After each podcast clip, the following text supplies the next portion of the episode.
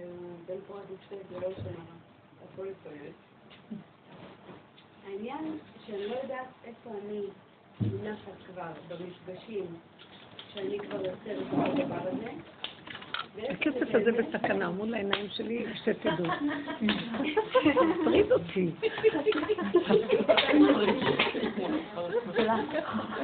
אז את לא יודעת מה איתו, כאילו. כאילו, לא יודעת מה איתו, לא יודעת מה לעשות כאילו, תינוק. כן. זה יכול לעבור גם, וזה יכול גם לא. וזה יכול שהוא ייכנס לגן והוא יהיה ילד מרביץ שגננות ישיבות ילדים מרביצים בכיסא, כן? ופושטים אותם. ופעם במצליפות. לא, לא קושרים. לא מה זה לא קושרים? שמים אותו עכשיו בכיסא האוכל, לא. והילדים כאילו עכשיו גם, ילדים יכולים לא לרצות להיות בחברתו. תקשיבי, את רק עכשיו מדברת ואני כבר, מה זה מפחדת? אני רוצה להיכנס מתחת לאדמה. המוח שלך רחב, הוא זה זה שאלות ומחשבות ויכול להיות וזה יקרה וככה, ואת גם מפרטת איזה סוגים של עונשים ומה יהיה ואיך יהיה, ואת אשר יגורתי בעלי חס ושלום. את יוצרת את זה, את לא מבינה, רק, רק הדיבור שלך מפחיד אותי. הכסף הזה שעומד פה הפחיד אותי. אתם לא מבינים שאני הגנבת הכי גדולה? ושאת עם הדמיונות שלך יכולה לך לגרום לו ל... הילד מקסים, את עושה אותו. אה, עבריין קטן. תפסיקי. מה קשור אלייך הילד הזה, דרך אגב? מה הוא שייך לך? הוא של השם, הוא נתן לך אותו, ואל תשתלטי, החרדה, כאילו, זה כוח העץ הדת והטבע. הוא השטן שהוא ממית. הוא המקטרג, וזה אצלך במוח. מה זה, הפרשנות? בדיוק, היא רואה נתון, היא רואה נתון, דרך אגב, את ילדת לא מזמן, הילד הזה, אימא אחרי לידה, משפיע על ילדים קטנים, אז יש לו תגובות. אז קחי את זה ברמה כזאת, ומה שאת יכולה לעשות, על כל פשעים תכסה אהבה, לתת לו חום, מתיקות, נשיקות. לא לראות שום דבר של שלילה בו. כל דבר של שלילה את מפרשת והולכת לחרדה ומתפתח, ואז התמונות, ואז הספקולציות, מחשבות, אפשרויות. זה נוצר. אתם לא מבינים שאנחנו יוצרים מציאויות? פחד פחדים. אפילו לא שמים לב. כל העולם זה פלונטר, כדור של שלג משוגע של יצירת מציאויות. יותר טוב שמעצמו לעצמו אדם לא ידע כלום, יותר טוב, גולם יותר טוב, מה אכפת לך? תני לו נשיקה, תאכלי, תשתי, כל היום תאכלו, תשתו, תשנו, תהנו. מה עכשיו, אנחנו נמצאים בחברה, ילד. לא נושך. הוא לא נושך, הוא נתן לו איזה נשיקת הוא חיבה. זה נשיקת חיבה שהילד זה הבעת החיבה שלו, יש לו אש. אז תנשקי אותו. תמשכי אותו, תנשקי אותו, תנשקי את הילד השני, וליד הילד השני תגידי לו, זה נשיקה, נתת לו נשיקה, אז צריך לתת נשיקה יותר קטנה. נשיקה ונשיכה זה אותו... אז הילד השני גם לא ייבהל כל כך. מה שאנחנו עושים בפרשנות זה השני, בייחוד שהם ילדים קטנים, וככה זה נהיה, זה גלגל, מתגלגל בעולם. ומה בעצם הפחד הגדול שלך? זה לא הילד, ואכפת לך ממנו. אכפת לך שהילד הזה יגדל, ומה יהיה השידור שלו, כן, ואם הוא נושך, איך הוא יהיה בישיבה, ואם זה לא יקבלו אותו, ואם זה יהיה, ואז יהיה לך שם רע, ואז לא נעים לך, ואז אז הכל האינטרס האישי של החרדות שלנו, מהחברה הזאת שאנחנו כל כך רוצים רק לרצות אותה כל הזמן, ואנחנו מתים עוד לפני שהתחלנו לחיות. וזה העבדות שאנחנו, והמיסים שאנחנו משלמים לפרעה הזה. תרצו אותי, אני המלך פה. אז הוא מפחיד אותנו, הילד הזה, את רואה אותו? זה כבר חצי עבריין. את רואה את הבעל שעשה ככה? זה כבר גירושים. זה, וככה הורס בתים. ואין כלום. אין כלום. סיפרה לי מישהי שהיא חלמה. ותראו, זה כל כך פשוט. מה היא חלמה? שיש לה חלומות מאוד מעניינים של דרך, של הדרך. שהיא אה, ישנה, ובתוך השנה כואבת לה יד מאוד. כואבת לה יד, כואבת, כואבת, כואבת, לא יודעת מה לעשות, ואז היא מתעוררת מרוב בעלה, והיא רואה שזה חלום, לא כואב לה יד. נרדמת שוב, ואז כואב לה בחלום הרגל. אז כואב לה, כואב לה, כואב לה, מרוב מצוקה היא מתעוררת. והיא רואה שזה רק חלום. כואב לה, חוזרת לישון, כואב לה, אה, לא יודעת מה, עוד איזה משהו, הצד. ואז היא, היא, אומרת, מה הכאבים האלה בחלום? ואז היא שומעת איזה קול שאומר לה משהו, או שזה המחשבה שלו משהו. אז uh, אני רק נותן לך את זה לרגע אחד כדי שתהיה מחוברת איתי דרך זה, כי זה הדיבורים שאנחנו מדברים בשיעורים. אני רוצה קשר איתך. בעולם שהיינו עושים תיקונים בנשמה, אז היו מופיעות מחשבות, וכולם בעולם הנשמה של היו צדיקים גבוהים בדורות הראשונים, הקדמונים, אז הם היו מחברים את הנשמה להשם. בעולם הרוח אנחנו מחברים את, ה, את המציאות הזאת לתורה ולמצוות. בעולם הנפש הבשר ידבר, השם ידבר לנו דרך הבשר, המידות, התוואים, והוא בא אלינו דרך זה, כאב, מחשבה של מצוקה, צער, אה, סיפוק מאוד גדול, ריגוש. ואנחנו צריכים לתפוס את תנועת הנפש, כי זה הנפש, זה דבר שקשור לבשר, כי הדם הוא הנפש, והדם הוא, הוא, הוא החלק הכי תחתון שמקשר אותנו לרוחני, מנפש, רוח, נשמה, החיה היחידה. אז עכשיו, שפתה של הנפש זה המידות, הצבעים. ואז הוא אומר, אני רוצה, את כל זה אני הבאתי כדי שתתקשרי אליי, והרגע הראשון של הכאב, תגידי לי. אז היא התעוררה. חזרה לישון. אבל היא כבר קלטה למה הכאבים האלה באו. עכשיו, היא, למחרת בבוקר היא קמה, ואגב, כאב לה, מאוד. אז היא אומרת, מה הולך פה? ואז היא תפסה, היא זכרה מה שאמרו לה בחלום, ואז היא תפסה את הכאב וצעקה, אבא, אני לא יכולה להחזיק רגע אחד מעמד כלום. בוא ניקח את הילד. אבא, הילד אישך. עכשיו, זה לא הילד, לא אכפת ממנו, אבל החרדה שזה עושה לי, זה הורס לי את החיים. אין לי כוח, החיים שצריכים להיות טובים. צריכים להיות לי חיים טובים, איך רבי נחמן אומר על הזקנים האלה. שכל היה מתווכח למי יש חיים יותר טובים. החיים שלי צריכים להיות טובים. אני לא מוכנה להיות במצוקה בעליך, בא אליך, אין לי כלום, אין לי כלום, רק אליך הכל. נעלם לה הכאב באותו רגע. ואז הבינה מה הוא רוצה להגיד לו במסר הזה. פשוט, בחוש על הבשר, זהו. עכשיו, מה שאת מספרת, הילד הוא רק סיבה, כל מה שקורה מצוקה. תשימו לב למצוקות שלכם. תהיינה קשורות לחיבור העצמי של הנפש. התמונות שמסביבנו זה רק סיבות שמסובב הסיבות מסובב, כדי שאנחנו נהיה מחוברים איתו דרך מדרגת הנפש. הבנתם? כמו שהיינו מחברים אותו בריחוף של הנשמה ובצורת החשיבה של התורה והמצוות, ככה אנחנו מחוברים איתו בנפש. זו מדרגה האחרונה שחייבים לעשות אותם תיקון בעולם הנפש למטה, כי עולם הנפש, שם נמצאת שכינה, שם נמצאים, נמצאים ניצוצות שנפלו לפי הקבלה, רפ"ח ניצוצים, שם נמצאים בני קורח ועדתו במצולות, מבשן השיב עם צולות ים.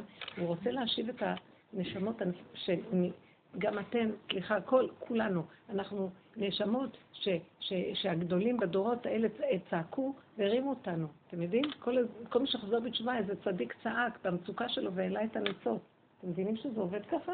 כל זה, זה, זה פועל יוצא של צדיקים שצועקים, שעובדים ככה, ואז הם מעלים את הניצוצות. אחר כך הם חוזרים בתשובה וקורה להם עניינים כאלה. אז צריך להבין, הילד הזה צריך עכשיו עזרה, שהשם יטפל בעניין שלו, את צריכה לטפל בו. את לא יכולה לעבוד עם האש הזאת. היום ההורים הולכים לאיבוד דרך כל המצבים של הילדים, כי הם, חשיבה שלהם זה חשיבה אחרת. חשיבה של אני חיובי, צדיק, אני אטפל, אני אעשה, אני אקח אותו לטיפול, אני אקח אותו לאבחון, אני אקח אותו לזה, ואני אקח אותו לפסיכולוגיה. והולכים לאיבוד, מתרוששים, הולכים לאיבוד, נהיים מתוסכלים, אני אגיד לכם את האמת, התוצאות הן כל כך מעטות וקטנות בכל הדברים האלה. ההוצאות נוראיות והתוצאות נורא נורא קטנות. וכמעט אין תוצאות בזה. זה חוזר ונשנה. כי למה? כי השם יתעקש איתנו עד שנבין את המסר. אין עוד מלבדו, וכל הדברים האלה שייכים אליו. ואני, שלום עלייך נפשי, אני אומרת לו, אתה אבא, אתה הרחמן. אתה הרופא, ולא היינו מוציאים את הראש שלנו מפתח, לא היינו נותנים למחשבות של מקום, היינו עושים כמו בלוחמה היפנית. סוגרים, עורפים את הראש. סדרי לך גליוטינה קטנה, כל פעם שבאות מחשבות, שימי את הראש ולערוף ראש. ככה צריך לעשות. אבל הרבנית, מה עם ה... את הולכת להתעצבן עליי על השאלה הזאת, אבל מה עם... אבל מה עם התפקיד שאת מדברת עליו? אובייקטיבית, היא אימא לעוד ילדים. את הילד שלך, זה התפקיד שלך, להעלות לא, אותו להשם. לא, אבל מה עם האחרים שנפגעים? אימא קיבלה ילד לחבר אותו להשם. לא קיבלנו ילדים שאנחנו נהיה המנהלים שלהם והשם יישאר בשמיים. אבל מה עם האחר שנפגע? מה, לא צריך לחבר? הילד הזה יקבל גם ישועה מהשם. כי אם הילד הזה יקבל ישועה, כל מה שקרה לו חד גדיא יקבל ישועה. אז אולי גם לא נכין אוכל, ושהשם ידאג להם לאוכל. יש לנו לא. תפקיד. אבל התפקיד צריך להיות מחובר עם השם. את הולכת עם התפקיד עם הישות והכוח, ואני מדברת על המהות וההוויה. הוויה תיכנס ותעזור לנו, כן, בסוף אני אשים ידיים ואני אעשה ציר, והוא יהיה הכי טעים בעולם. ובסוף אני כן אדבר לילד, אני אתן לו נקודת אהבה וחום, ויהיה ישועה שהוא לא, לא ינשך יותר. יש משהו שאנחנו צריכות להבין, השם חסר בעולמו. אתם לא מבינים שאין כאן גילוי הוויה, ואז העולם הולך כל מה שקורה עם כל הקורבנות שאנחנו רואים, וזה, זה, זה, אנחנו רוצים את ארץ ישראל, אנחנו רוצים להתנחל בה, אנחנו רוצים שהיא תהיה שלנו, אבל זה האני של האדם, זה אני צדיק, זה אני טוב, אבל מה שאתה תקשיב, משיח בן יוסף, הוא מאוד שונא את הרב, הוא נלחם בכל כוחו עם הרב, הוא צדיק נשגב, לא יכול לסבול את הרב. אבל אנחנו צריכים להתפלל עליו שהרמילוס הרשע לא יהרוג אותו, כי ברגע שהוא כל כך שונא וכועס את הרע, הרע מקבל המון כוח ממנו, כי זו התייחסות הכי גדולה שלך לתת לרע. כי הרע בכלל, אין לו כוח. מה, מהאדם ששונא אותו יש לו כוח. הוא מקבל ממנו את הכוח. אז אנחנו צריכים להתפלל שהרמילות הרשע ירחם על משיח בן יוסף ולא יהרוג אותו, שהוא כל כך צדיק. באמת, כי זה באמת מזיז לנו משהו, הוא כל כך אוהב את היושר והצדק והאמת. אבל אין תוצאות טובות. אמרתי לו, אתה יודע מה שמשיח בן דוד יבוא? כל מה שהוא רואה בעולם רע, הוא רואה שזה הוא. הכל רע, הוא רואה את הנוצרי, הוא רואה שהוא נוצרי, הוא רואה שזה עושה אה, שודד, הוא אומר, אבל אני השודד הגדול. מחפש דוגמאות בעיקרון של האמת אצלו תמיד. הוא אומר, ריבונו שלום, למה הראת לי את זה? הראת לי את זה כזה אני, מה אתה רוצה ממני? שאני אגיד לך, אין מתום בשרים, לא תעזור לי, אני יותר גרוע מכל מה שהולך פה, תרחם עליי. ואם יש מישהו בעולם שעושה משהו רע, זה בגללי. כי בתוכי שוכב כל כך הרבה רע, ואם אני לא עובד ומעלה אליך, בסוף זה נהיה בחוץ. כי באמת זה כתוב, אתם יודעים מה כתוב? אין פורענות באה בעולם רק בעטיין של ישראל. זאת אומרת, היהודים הם שגורמים שבאים מצוקות לעולם. בגלל זה בתת הכרה אומות העולם שונאים אותנו. כל הטרור, זה, זה קשה להגיד את זה. זה כתוב ש, שאין הקדוש ברוך הוא מעמיד, כשעם ישראל, כשרוצה שעם ישראל יעשו תשובה, מעמיד להם מלך שגזרותיו כמו המן. ואז מפחיד אותנו, ואז אנחנו עושים תשובה. כי ככה אנחנו לא עושים תשובה, כי נראה לנו שאנחנו הכי צדיקים, כי אנחנו סגורים מהחגורה ומעלה, אנחנו רק צדיקים, ולא רואים מה קורה במטמוניות שלנו.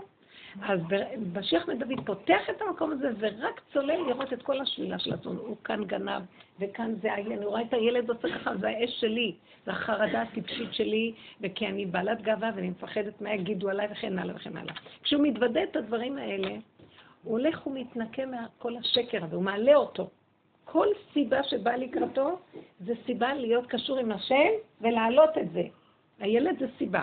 וכך הוא הולך ונהיה ריק, והוויה שוכנת בתוכו. עכשיו, הוויה שוכנת בגוף גולם ריק. עכשיו, כל מה שהוא קורא בחוץ יכול לגשת, להגיד מילה, וזה יישמע. הוא יעלה להר הבית, והוואקף ייתן לו את המפתחות ישר, יגיד לו, נכון, כך זה שלכם. והוא לא יירה ירייה אחת. כלום. זה הכל שלנו. כי באמת זאת האמת, כי זו הבטחה גדולה. אז למה לא מקבלים אותה? כי אנחנו לא חיים את מה שאנחנו אומרים. אנחנו, יש לנו מחסומים פנימיים שבגלל זה באים עלינו הצהרות. אבל באים הצהרות לרגע, כמו זאת עם החלום שלה. לרגע, מיד חברי את זה להשם. מה אנחנו עושים? הולכים לסדר פתרונות נאות לרופאים, לסדר כואב לי פה, כואב לי שם, הולכים, הולכים, הולכים, הולכים. ואז באמת צריכים רופאים. כי באמת כשזה כבר משתחרר והולך ברמה מאוד גדולה בגוף, אנחנו צריכים ללכת לפי חוק הטבע. אז למה לך? תתעקשי על זה. זאת אומרת, תעצרי את המוח ותעבירי אליו, ותתעקשי, אבא, אני לא נותנת מפה עד שתביא לי ישועה לילד, הילד שלך. תהיו עקשנים גדולים בדבר הזה. הבנתם מה אני מדברת? וזה כל דוגמאות המצוקות שלכם. כל מצוקה היא סיבה להעלות אותה להשם. היא סיבה לפרק אותה, לחפש נקודה דומה בתוכי ששייכת לה ולהעלות אותה, ואז את מעלה דרכך גם את הילד, את כל מה שקורה מסביב. אני אומרת לכם, האיש הזה קם והלך. התנועה הזאת של השקט, של האמת הפשוטה, ניכרים דברי אמת. גם אבן נימוכת. גם אבן מבינה עניין. דבר שהכי נראה קשה, יירגע. כי האמת הזאת חודרת, היא פשוטה. היא לא באה עם כעס, עם שנאה, עם קריאת תיגר על השני, היא לא רוצה לנצח, ולא אכפת לה בעצם. כי לגולם הזה לא אכפת. זה השם דרכו שיסדר את עולמו. אתם מבינים? זאת אומרת, נמצא שאם אנחנו רוצים שהשם יתגלה פה, גילוי הוויה, שהוא יסוד הגאולה, אדם צריך להיות גולם שלא אכפת לנו כלום. ועכשיו איך אנחנו חיים עץ הדת, שכאילו אכפת לנו, יש לנו לב, אנחנו נילחם, אידיאולוגיות, ורק תנצרו אותי, ואני צדיק של השם, ואני קנוי בן קנוי. לא סתם. והכל עץ הדת וההדמיה שהוא מדמה לנו, שאכפת לנו, ושאנחנו, ולפעמים, הרבה פעמים, כשאנחנו כבר הולכים על הגלים האלה, תפסו אותי, אני אראה לכם מי אני. אז השנאה האמיתית יוצאת, בכלל לא שנאה שקשורה לאידיאולוגיה, זה כבר הופך להיות שנאת בין אדם לחברו. אתם מבינים מה אני מתכוונת? לנצח אותך, דווקא. אתם לא מכירים את זה? כן, כשאת באה להגיד איזה רעיון, בסוף זה הופך להיות, אה, ככה הוא אמר לי, אני אראה, ואז זה הולך להיות נקמנות, מריבה, שנאת חינם. וזה המהלך מסוכן מאוד, זה נותן כוח לקליפה. וכדי באמת להילחם עם הרע מול השני צריך להיות מנוטרל עם הרע. מאוד מסוכן להילחם בשעתו עם הקליפות הרעות. הוא, הנוצרי הזה, לפי, לפי, הם מאוד מסוכנים, הם, הם מרעילים את הבארות, הם, מה זה מרעילים? הם, הם טובלים יהודים, ילדים יהודים לנצרות. אבל אני הגעתי, בעבודה הזאת אנחנו מגיעים למקום של, תגיד, ריבונו שלום, אחרי כל הדברים האלה, אתה עוד רוצה שאני אקנא ליהדות? תגיד, לא, לא נמאס לך לנסות אותי כבר? אתה לא רואה שאני מתה עליך? כבר אין לי כוח. אז אתה יודע מה, שהטבילו אותם לנצרות. כזה דבר טיפש, שזה אני צריכה להחריב את החיים שלי ואת כל העולם? נמאס לי מזה כבר. אין ממשות לכלום. הדעות עושות ממשות. אין לי ממשות. אני לא נותנת לזה ממשות. אה, יש איזה מדרש שזה היופי, העבודה הזאת בסופה יהיה תיקון רחל. היא נקראת רחל, כי רחל היא השכינה בעולם המלכות, בעולם העשייה. ורחל, כתוב במדרש שכשהקדוש ברוך הוא הרחיב את עולמו, אה, סליחה, את בית המקדש, החריב את בית המקדש והחריב את... אה, והייתה גלות, אז הקדוש ברוך הוא לבש אה, חגר משק ומספד וכורחה ו, ו, וצעק ובכה, ככה אם אפשר להבין מה זה תמונה כזאת שהקדוש ברוך הוא עשה את זה, ואמר אוי, אוי לי שהגלתי, שהחרבתי את ביתי, אוי לי שהגליתי את בניי בין האומות, אוי לבנים שגלו משולחן אביהם, זה דברים ידועים. והוא מתאבל, זה מה שכתוב, הוא קם בחצות, הוא שואג כארי ומתאבל. ואז באים כל הצדיקים לנחם אותו. בא משה רבנו, באים הנביאים, באים הצדיקים, באות הצדיקות, ולא מקבל תנחומים מאף אחד, אוי לי ואוי לי. עד שבאה לפניו רחל. רחל באה ואומרת לו, ריבונו של עולם, עבודה זרה שאין בה ממש, החרבת את בית המקדש, והגלית את בניך, ואין בזה ממש. מה היה לך לעשות את זה? מה התרגשת כל כך? כאילו, במילים אחרות. מה לקחת את כל זה ברצינות כל כך? עבודה זרה שאין בה ממש, החרבת את בית המקדש שלך. שימו איזה דיבורים היא אומרת לו. קיבל ממנה תנחומים, היא אמרה לו, אני, הנה, אחותי לקחה לי את החתן שלי, מה יכולתי לעשות? נכנעתי. במילים אחרות, היא מביאה לו, כי אחותי לקחה לי ומה? ואני לא ככה עשיתי. נתתי לה, נכנעתי לה, מה אתה לוקח את הכל ככה? וואו, איזה דיבור. זה בניי. כי רחל, אתם יודעים איך רחל באה? היא רחל באה, שהיא רחל מתה. אין לה חיים. רוצה להיות נוצרי שיהיה מה אתה רוצה ממני. אני לא אלך להיות קנאית, אבל בגלל שלא יהיה לי מציאות של כלום, כי היא מתה, הישות מתה, אז עכשיו השם יכול להיכנס בפנים. מילה אחת של השם, שומע מה שאומרים לו, תקשיבו, הוא באמת מבין, הוא עושה שטות הכי גדולה. מה, לך לאמריקה ותחלק את הדבר הזה, מה אתה בא כאן בירושלים עיר הקודש, שהיהודים חזרו לכאן אחרי כל כך שנות גלות, אתה בא לחלק להם, אתה לא מתבייש? הוא שמע. זה המחיש לי את המקום הזה של אה, נקודת אמת פשוטה ממיסה את הכול. אז מאוד קשה להגיע להם, צריכים לשחוט את האגו. זה קשה. זה להפוך לאפס. איך? להפוך לאפס. בדיוק. אז עכשיו אני אגיד לכם את האמת, ממילא בסוף כולנו נהיה אפסים. או שנמות מרוב צרות, מרוב ישות, שאחד יהרוס את השני, או שנמות מבחירה שנעבוד על האפס הזה, מה דעתכם? כי כתוב אלו ואלו עמלים. אז כדאי שנהיה עמלים בדבר הזה, נגזר עלינו להיות עמלים. כל היהודים עמלים, כל הגויים עמלים, אבל אנחנו עמלים לכבוד השם. אותו דבר פה, כולם בסוף מתים, אז בואו נמות לכבוד הנקודה הנכונה, מה קרה? כולם בסוף התבטלו. הכל כתוב כי הנה השמיים נמלחו, כעשן נמלחו. הכל יהיה כמו עשן, הכל ייעלם כמו עשן. אז למה שאני לא אעבוד על האגו שלי שיעלם לי כמו עשן? עכשיו, איך אני רואה מהו האגו במדרגת הנפש? זה האגו, העיקר שלו, השורשים שלו זה במדרגת הנפש. כי הוא סובל, כי יש לו מצוקה. אם אין לי אגו, אין מצוקות. מה אני אעשה? אין מצוקות. אי אפשר לסבול את הכאבים כבר. אז אם יש מצוקה, זה לרגע, כי עוד יש משהו, אז מיד לחבר אותה ולפרק אותה. נשאר בלי מצוקות. זה העולם שלך, תתגלה בעולמך, הגיע הזמן שתעיף את כל המיסיונרים, את כל מה שקורה פה במדינה הזאת, זה לא נורמלי. דמוקרטיה דבילית. אף אחד לא יודע מי, גם לערבים מותר, גם זה מותר. אז ירו כבר באיזה מחבל שבא להרוג, ירו בו מתוך חרדה של נקמה, כן, בוא נגיד נקמה, כן. הרגו את החייל הזה, מה? מטומטמים? הוא בא להרוג. מה אתם עוד רוצים? להכיר אותו, לטפל בבית חולים ולשים אותו במה? אני לא יודעת, אני לא שופטת שום דבר, גם לא אכפת לי, אבל זה כבר הפך להיות מין יפייפות של דבילים. למה לא אכפת לך? לא אכפת לך מהחייל הזה שעכשיו החיים שלו... לא, לא אכפת לי, לא אכפת לי מהחייל, אכפת לי מהכסילות, לאיזה מדרגה הגענו. ועל זה יש לי צער. לא שלא אכפת לי מהחייל. זה לא שלא אכפת לי, השם נותן לי את האכפתיות הנכונה, זה לא אכפתיות שהייתה לי פעם. על כל דבר הייתי נרדת. זה אכפת לי, כאילו, אני אומרת, ריבונו שלום, אני חסרת אונים, כי אנחנו חסרנים, כי השלטון יש לו כוח ועושה שטויות. סליחה, אני חסרת אונים. ככה אתה רוצה את עולמך שהנוצרים יצטובבו פה בירושלים, יש מלא כנסיות, עד מתי? ושהערבים יעשו מה שהם רוצים פה ויהרגו כל יום שני וחמישי את מי שבא להם באמצע הרחובות לשחוט? מה, מה קרה פה? אז זה, זה לרגע מתעורר לי הלב, אז אני אומרת לו, אז אני, אם מתעורר לי הלב ויש לי כאב מזה, אז זו הסיבה להיות מחובר איתו בתפילה. אז ככה אתה רוצה שהעולם שלך ייראה, תתעורר כבר, תתגלה, כי אין לנו פתרונות למציאות. אין לנו כאן פתרונות. זה יהיה פתרונות של אגו. והאגו, אז הוא יגיד, לא, צריך לשפוט את החייל שעשה ככה, כי זה לא, זה לא הוגן להרוג ח... אה, בן אדם שאין לו הגנה. כזה דבר. אני, באמת, אני לא... לא, זה עובר כל גבול כבר.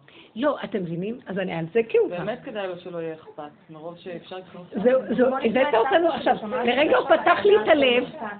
לא, זה לא אכפת לי לרגע, כי אני אמות אם יהיה אכפת לי. אני אהרוג את כולם ואני אתאבד. כן. אז אני נעצרת, מכניסה פנימה. עכשיו אם הוא הדליק אותי לרגע, אז אני אומרת לו, לא אכפת לך מעולמך. כמה אפשר לתת קורבנות? כמה יהודים עוד יעברו? זו תפילה טובה. אותו דבר עם הילד. כמה אני עוד אקבל? הוא נושך, הוא עושה זה, עושה... אני לא, למה? ריבונו של עולם, אני לא יכולה להכיל את זה. נתת לי תפקיד כאימא.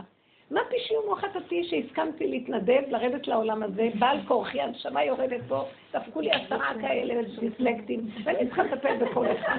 מה כוחי ועוד משגעת אותי? כל המערכת משגעת אותי, כסף עין. אברך מרגיז אותי. אז מה אני, זה פייר שאתה עושה לי ככה? אם הייתם רק מדברות האמת, זה כמו רחל. רחל דיברה איתו את האמת. עבודה זרה שאין בה ממש, תראה מה עשית. אה? לא מספיק רע לנו בשביל שנגיד... אה, בטח שרע לנו. לא ברמה של רחל, על... אני רוצה להגיד לך דבר, את לא, את מדברת עכשיו שטות. למה? אני אגיד לך למה. כי אין קטן וגדול באמת. מצוקה הכי קטנה שאין לך את הקפה בבוקר שאת קמה כי המים נגמרו בשבת ומישהו לקח לך את זה, זה רחל שלקחו לה את החתן, את לא מבינה? לא, בדיוק אותו דבר.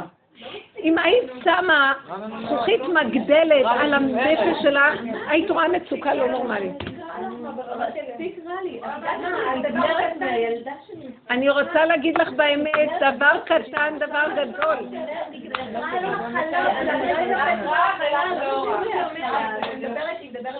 לא, לא, לא, לא, לא, לא, לא. במדרגת נפש, דין, תקשיבי, לא, דין פרוטה כדין מאה. הילד הקטן שצועק כי לקחו לו את הצעצוע, זה בדיוק כמו אותו אחד שלקחו לו 50 אה, אלף שקל בבנק, שהוא לא יודע אה, איך זה נעלם. את לא מבינה, אם היינו מדדים את מדרגת הנפש, זה שווה לזה. את לוקחת בגדלות של המוח, זה גם כן משהו, אבל זה משהו, לא. זה לא נכון. זה המוח של עץ הדת, זה המוח של הישות ככה מודד. באמת, מצוקה הכי קטנה של יהודי נחשבת לו. יכול להיות שהמצוקה, זה לא עושה לו מצוקה וזה עושה לו מצוקה, אז לא ימדדו ככה, אבל מה עושה לך כן מצוקה? תחפשי מה מצער אותך וזה עומד בדיוק כמו שרחל הסתערה עם זה, זה בדיוק אותו דבר. את לא מבינה שהרגע של מצוקה של אדם, אני רואה את זה, רגע אחד, אני חושבת, כל פעם נראה לי שגונבים לי כסף, זה דבר. אני מחפשת את הארנק, וכל רגע אני אומרת, איפה הוא? אני כמו זקנה שמחטאת את כל היום בתיק, מבינה? ואז אני אומרת, איפה הארנק? באותו רגע כאילו נטלו את נשמתי, תלו אותי, אין לי חיים ונגמר. אני מזהה את המצב שלי. אז אני אומרת לו, ריבונו של עולם, כל כך הרבה שנים אני עובדת על הכסף הזה, זה מזימה מאוד נעלמה שאני לא יכולה להכיל אותה. אני אחוזה בכסף הזה, תציל אותי. עכשיו סובבת את כל הסיבה הזאת כדי שאני אראה איך אני נראית. מפעם לפעם, באמת, אני רואה שעם הזמן, אני רואה שזה נחלש ונחלש ונחלש, עכשיו שאני כל כך עושה צחוק מזה, אני כבר, אני רואה צחוק. אבל בסופו של דבר, דבר כזה קטן באותו רגע נראה לי שנגמרו לי החיים. את לא מבינה? אני לא, אני בעבודה הזאת שמתי פנס בחורים ובסדקים וכל דבר נראה לי המון. ככה צריכה לעבוד. לא לבטל להגיד זה גם משהו, לא, הכל משהו. אני ילד קטן עלוב ואני לא יכולה, כי אם את חושבת שאת יכולה, יגידו לך תמיסי עוד קצת, כי את יכולה. יש לי עוד כמה מצוקות להביא לך, כי את לא מחשיבה אותן, למה לא? יש לי מפה ויש לי מפה, והתחילו להעמיד עלייך מצוקות. חס וחלילה, עד שתצעקי, לא. המצוקה הכי קטנה, תצעקו בה ונגמר המצוקות. דין פרוטה כדין מי, אתם לא מבינים? אבל אנחנו הטיפשים חושבים שיש לנו עוד כוח. לא, אז מחכים, מחכים, מחכים, ואז באות מצוקות גדולות. אבל אין עונשים אלא אם כן מזהירים, נותנים לך אזהרה ואת לא שמה אליה לב, אחר כך בא דבר גדול, אחר כך זה נראה גדול, את מחכה לזה חב שלום? לא. קחי את הקטנה הזה ותעבדי איתה. אם צעקנו ואנחנו לא יכולים, ואחרי זה באו צרות יותר גדולות. לא יכול להיות. לא? לא. לא צועקים נכון. לא צועקים נכון. מה נכון? או שחושבים זה לא נורא, נו, מה כבר קרה? תגידי תודה להשם על המצוקה הזאת, זה כלום, זה נקרא משהו. זה בדיוק תפיסה של עץ הדת, אני הולכת הפוך. כל דבר תעשי פנס, זכוכית מגדלת, תגידי, וואי, נחרבו לי החיים. פה אני מתאימה לדרך. זה הדרך של המלכות. פה אני. זה הדרך של המלכות. היא, אני אגיד לכם מה ההבדל. בגלות התפללו ככה, השם, יהי רצון, מה שעושה טוב, תיתן לנו הסדר. זה כמו לאה, לאה, עיניה רכות, לאה ורחל מסמנות את שתי החלקים, זה של הגלות, זה של המלכות, זה הבינה וזה המלכות. יש לה כוח לסבול, לשאת, היא בוכה ובוכה ובוכה. ובוכה ואומרת, אנא יהי רצון שאני לא אפול בחלקו של עשיו נניח, נכון? היא בוכה, ועיני הדמעות ורקות, נהיות טרוטות עיניה, נהיו טרוטות מאוד. רחל מה באה? אומרת לו, אין לי כוח, תביא לי את זה עכשיו. אתה לא מבין אם לא תביא לי, אז אני לא חיה פה. היא כמו ילד קטן, היא קטנה, והיא גבולית, והיא מיידית, ואין לה זמן ואין לה מקום ואין לה כוח. כולה הוויה. תביא לי עכשיו. זה דור של היפראקטיביים, כולם ככה היום הילדים, אין להם כוח. אותו דבר גם אנשים. זה טוב, זה סימן של המלכות. ואז כבר אני לא אגיד, יהי רצון השם. לא, תביא לי עכשיו, אם לא אני מתה. משיח. הבה לי בנים ומים מתה אנוכי. מה זה להגיד ככה לבעלה? אין לה, היא גבולית. אתם מבינים את הדבר הזה? זה מעלה. היום ככה צריך לעבוד עם הדבר. והילדים שצועקים מקבלים הכל, ואדם יש לו סבלנות, הוא לא יצטרך כלום, יש לו גדלות, הוא לא צריך כלום. הוא מסתדר הכל לבד. כן.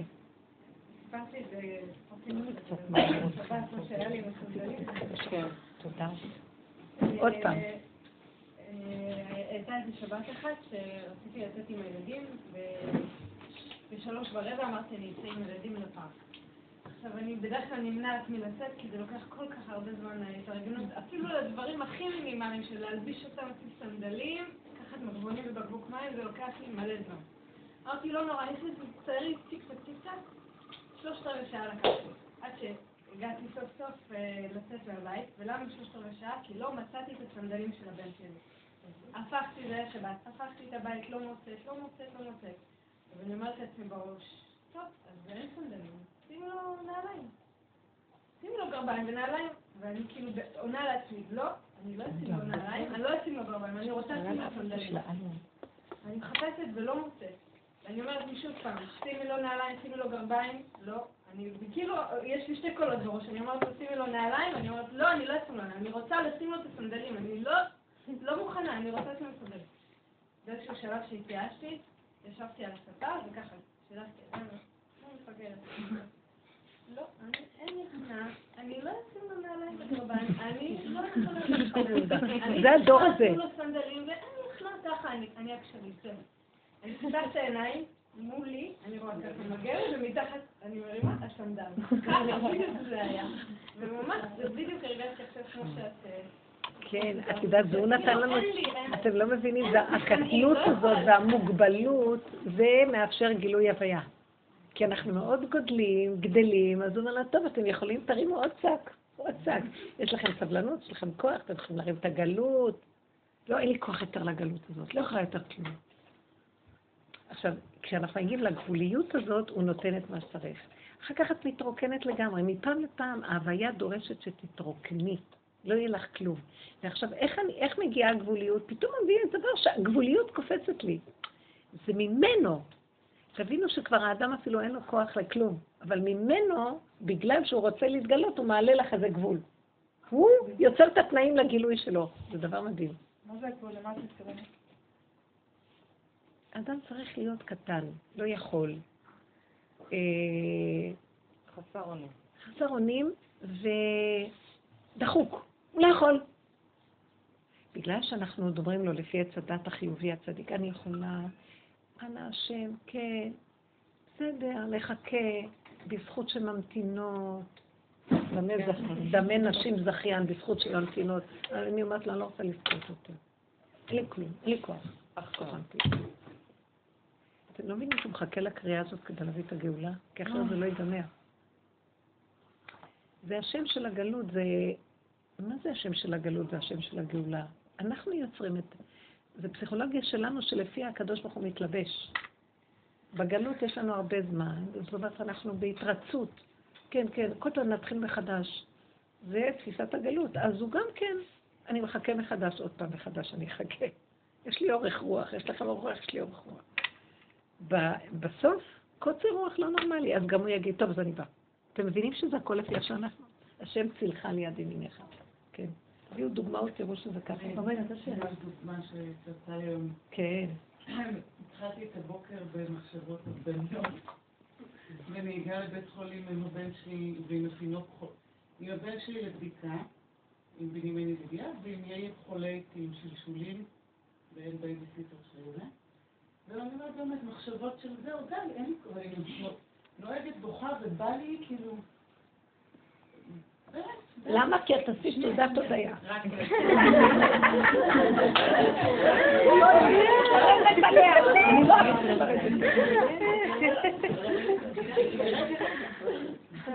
הגעתי לבית חולים, ברוך השם, ההורים שלי הצדיקים, שאבא שלי בן 78 ואימא שלי הגיעו לעזור לי, ממש ישר בבית חולים. טוב, אני הלכתי לבדיקה איתו וזה, ולפני זה, בקבלה שואלת את ה... את הפקידה, אני כאילו, אני נורא מתרגשת, כי זה היה, היה לראות השם, כאילו מיד. וזה היה דיבור מחריש, מאיזה שיחה עם אימא שלי, כאילו שדע לי הבכי, עד חדרה, עד הבית חולים, פשוט בכיתי עליו בבכי שכאילו, ואמרתי לה, מה אתה רוצה ממני? גם עצור לניתוח, עוד ב-2017 נתנו לנו עצור לניתוח בשניידר. ואני אומרת, מה את צריכה את כל האיסורים והנסיעות האלה? אני מגיעה להלל יפה שם בבית חולים, ואני שואלת אותה, פקידה, תגידי, אתם עושים פה את ה... זה לא בדיוק, זה משהו בהרדמה מלאה, זה כאילו הסדר, כמו ניתוח, מה שצריך לעשות. אמרתי, מה פתאום, אף פעם לא עשו פה, אף פעם לא עשו. טוב, הלכתי, היינו בבדיקה של זה, ואני יוצאת ולוקחת אותו על הידיים את בנימין ניתן שהוא לא כל כך קל, כי הוא משתולל שם. ואני, לא מעניין אותי, אני לא יוצאת מפה, השם אם אני, כאילו, זה לא היה במין דיבור, זה היה כאילו מין, אני מנסה, אני לא, אתה יודע שאין לי יותר כוחות, אני לא אביא את ההורים שלי לשניידר, הלוך חזור וזה. פשוט היה שם דלת פתוחה, אני יושבת תגידו, לא זה היה פרוזן גרון, עומדים שם שני רופאים, אחד רוסי, אחד ערבי.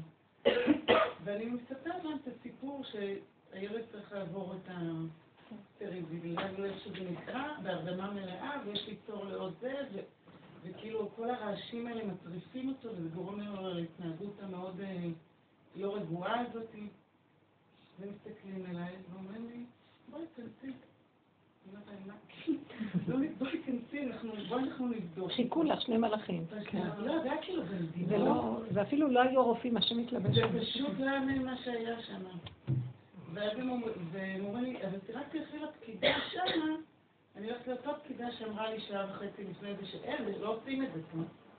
והרופא בא איתי, כאילו, אחריי, והוא אומר לה, תרשמי אותה, אומרת, אבל אין לה שום טופס שווייץ, ואני כאילו, הם כאילו הבעיה כזאת, וההורים שלי שם עם התינוק, וכאילו גם בשוק מכל מה שקורה. ניסו לעשות לו את הדבר הזה לא בהרדמה. הביאו, חוץ ממני ואבא שלי, שהרזקנו אותו עוד רופא ועוד אחות, ניסינו, לא הצליחו. קבעו לו תור ל-20 לחודש הזה, כאילו, לניתוח. זה היה כאילו, אתה לא, כאילו, אני יודעת, וראיתי את זה, את המקום הזה שישר אמרתי לו, די, אין לי כוח בגבול. אני רוצה להגיד לכם שהגעת לגבול, את רואה? כן, הגעתי לגבול, הגעתי, אני אומרת, באמת, מחשבות של... מאוד מדהים, זה מרגש אותי. לא, אני אומרת, זה כאילו היה לי... ואני יוצאת משם ונוהגת, ועוד ההורים שלי בכלל היו אמורים לנסוע לאיזה... לניחום אבלים, ואז הם אומרים לי תוך כדי, לא, אנחנו לא נוסעים, זה לא מסתדר.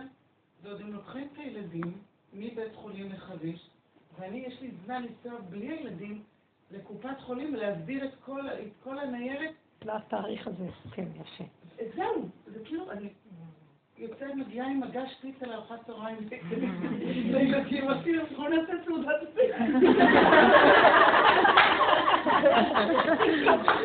עכשיו זה טוב. מה עושים? עושים על משהו, לא ראיתי קודם על מה צריכה לעשות סעודה. אני מדויקת.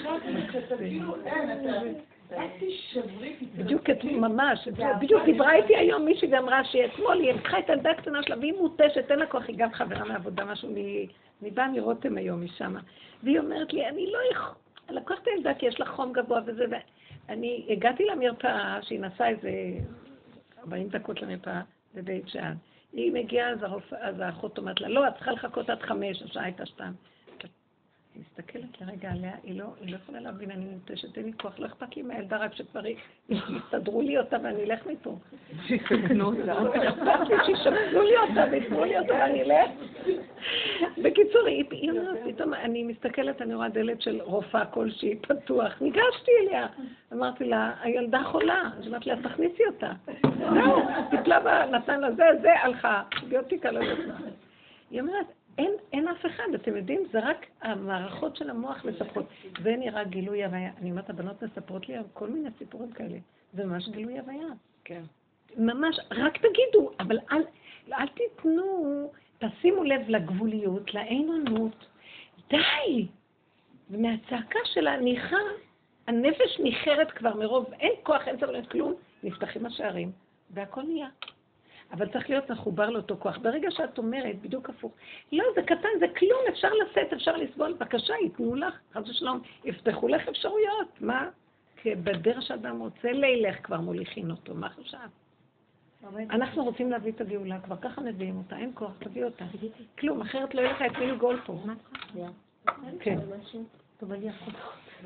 כן. פשוט קצת קשה לי להבין משהו.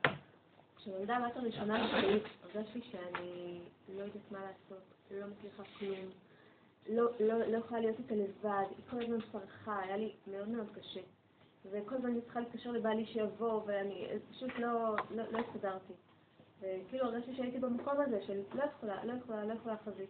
והייתי גם קצת...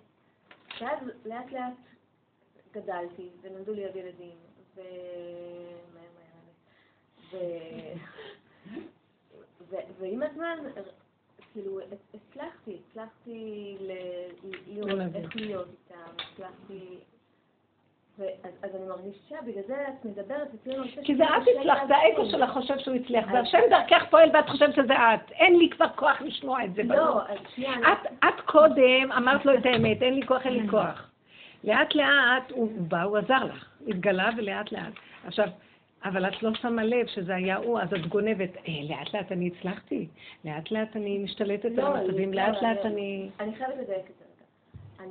אני הרגשתי שדווקא קרה משהו אחר. אני הרגשתי שאולי, היה לי איזה גם דבר תורה לפני הלידה של הבן שלי, שכאילו פתאום העיר לי שנגיד במדבר היינו כל הזמן, השם, אנחנו לא יכולים, השם, תביא לנו מים, השם, תביא לנו זה, השם.